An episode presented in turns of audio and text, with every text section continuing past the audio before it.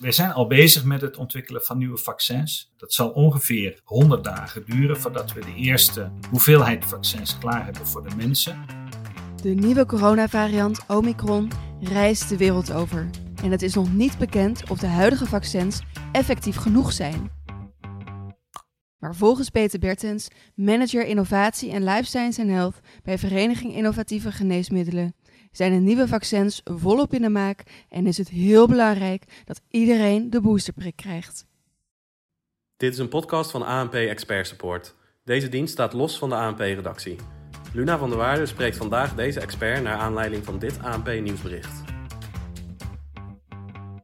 De Wereldgezondheidsorganisatie schat het risico van de nieuwe Omicron-variant erg hoog in. Landen moeten zich er goed op voorbereiden omdat nieuwe uitbraken grote gevolgen kunnen hebben, zegt de WHO. Die adviseert landen om nog sneller meer mensen te vaccineren om ze beter tegen corona te beschermen. Ik spreek met Peter Bertens van Vereniging Innovatieve Geneesmiddelen. Hoezo vormt deze variant zo'n groot risico? Ja, deze variant die vormt een risico omdat die heel erg veel anders eruit ziet dan de tot nu toe bekende varianten. Even een stapje terug te nemen. De Wereldgezondheidsorganisatie heeft een wereldwijd netwerk van laboratoria die constant COVID-virussen van geïnfecteerde mensen analyseren. In november kwam er een melding vanuit Zuid-Afrika over een virus dat enorm gemuteerd was ten opzichte van het originele virus. En dat is verder onderzocht en heeft bij de WHO ertoe geleid dat men het klassificeert als zorgwekkend. En waarom? Enerzijds omdat het zich heel erg snel verspreid heeft in Zuid-Afrika. En daarnaast omdat de Omicron-variant heel erg anders is dan het originele virus. De nieuwe variant heeft ongeveer 50 mutaties, dus 50 verschillen met het standaardvirus, waaronder een dertigtal in het spike-eiwit. Het spike-eiwit is het eiwit dat het virus gebruikt om cellen binnen te dringen, maar ook het eiwit wat heel veel gebruikt wordt bij de ontwikkeling van vaccins. Sommige van die uh, 50 mutaties zijn eerder bij andere varianten van het virus gevonden, zoals bij Delta, en worden bijvoorbeeld in verband gebracht met snellere overdraagbaarheid van het virus en het omzeilen van de immuniteit van mensen. Maar 26 mutaties zijn uniek voor Omicron. Ze zijn nooit eerder gezien en we weten niet wat ze doen. Oké, okay, en, en het is ook nog niet echt bekend of de huidige vaccins effectief genoeg werken tegen deze variant. En deze variant vormt dus ook een heel groot risico. Wanneer weten we meer? Ja, we weten op dit moment niet of de vaccins werken en hoe goed ze werken en of ze bij alle mensen werken. We zijn dat aan het onderzoeken. Dat zal ongeveer twee weken duren. En als uh, er nieuwe vaccins ontwikkeld moeten worden, hoe lang duurt dat dan ongeveer? Wij zijn al bezig met het ontwikkelen van nieuwe vaccins. Dat zal ongeveer 100 dagen duren voordat we de eerste hoeveelheid vaccins klaar hebben voor de mensen. Um, en dat is verdeeld in het echte ontwerpen van het vaccin, wat één tot enkele dagen kost. Het testen van het nieuwe vaccin, wat enkele weken kost.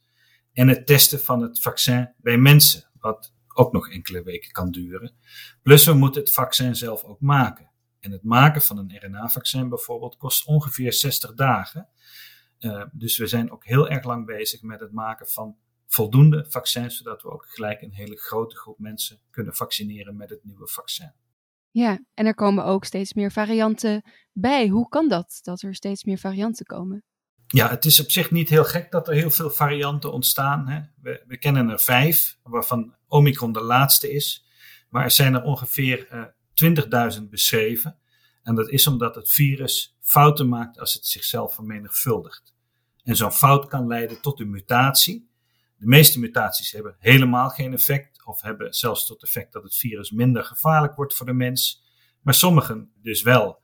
En ik vermoed ook wel dat we ook volgend jaar een aantal mutaties uh, zullen gaan zien die effecten hebben op de mens.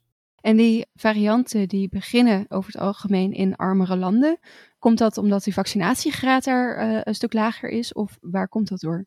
Alle huidige varianten zijn ontstaan in gebieden die niet goed gevaccineerd waren. Uh, waarvan de laatste dus waarschijnlijk in Zuidelijk Afrika. En dat heeft inderdaad te maken met de hoeveelheid, met het vaccinatiegehalte van de bevolking. Als er uh, minder mensen zijn gevaccineerd, dan kan het virus zich makkelijker verspreiden over het algemeen.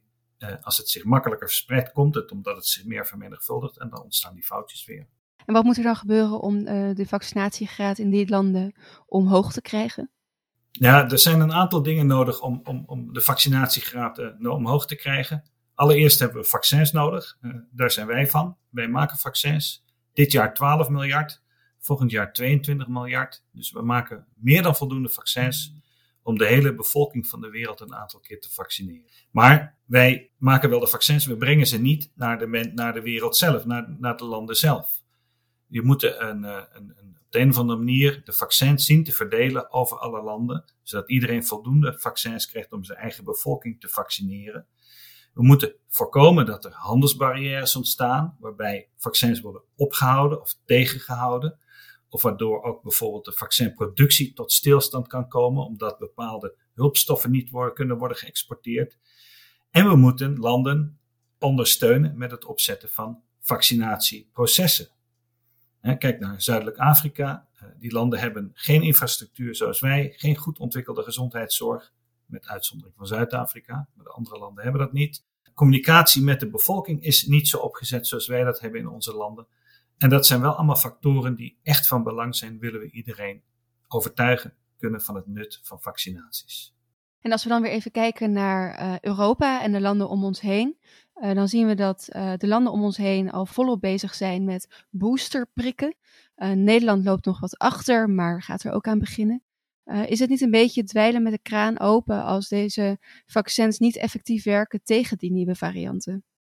Uh, we weten op dit moment niet hoe de vaccins werken. Hè? We hebben het vermoeden uh, dat ze wel een deel van de immuniteit overeind houden. En we weten ook überhaupt dat mensen die oud zijn en ook mensen die ziek zijn, een minder goed werkend immuunsysteem hebben. En dan is elke oppepper via een vaccinatie een hele belangrijke. Daarom is het ook belangrijk dat we ook in Nederland het boosteren snel op gang brengen. Dat we alle bevolkingsgroepen die extra gevoelig zijn voor COVID-infecties snel een extra prik geven, zodat die beter beschermd zijn. Dat geldt wees ook voor de rest van de bevolking. Extra prikken helpt in deze echt goed.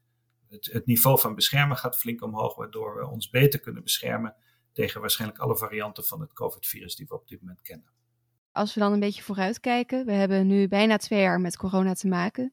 En er komen allerlei uh, varianten bij. En uh, jouw voorspelling is dat dat er nog wel meer zullen worden. Uh, maar aan de andere kant zijn er ook heel snel vaccins ontwikkeld. En nou, krijgen we straks een derde prik en misschien ook wel nieuwe vaccins.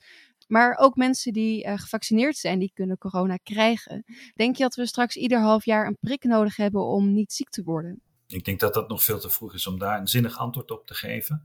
Uh, het hangt af van heel erg veel factoren, waarvan de belangrijkste aanwezig is hoe het uh, virus zichzelf de komende tijd verder ontwikkelt. Het zal zich verder veranderen, hè? het zal verder muteren. En daarbij kunnen ook varianten ontstaan die zich heel snel verspreiden, maar mensen niet erg ziek maken. En als dat ontstaat, dan is een halfjaarlijkse vaccinatie waarschijnlijk niet nodig. Maar we kunnen ook te maken krijgen met variaties die heel erg lijken op de Delta en de Omicron, waar we nu mee te maken hebben. En dan kan het heel erg nuttig zijn om de hele bevolking of een deel van de bevolking opnieuw te vaccineren. En welk deel zou dat dan zijn, de kwetsbaren? Dan is het altijd om verstandig om te beginnen bij de kwetsbare mensen. Peter Bertens, dankjewel. Deze en andere experts staan in de database van ANP Expert Support. Ga voor meer informatie naar anp.nl/slash expertcast. Dit is een podcast van ANP Expert Support. Deze dienst staat los van de ANP-redactie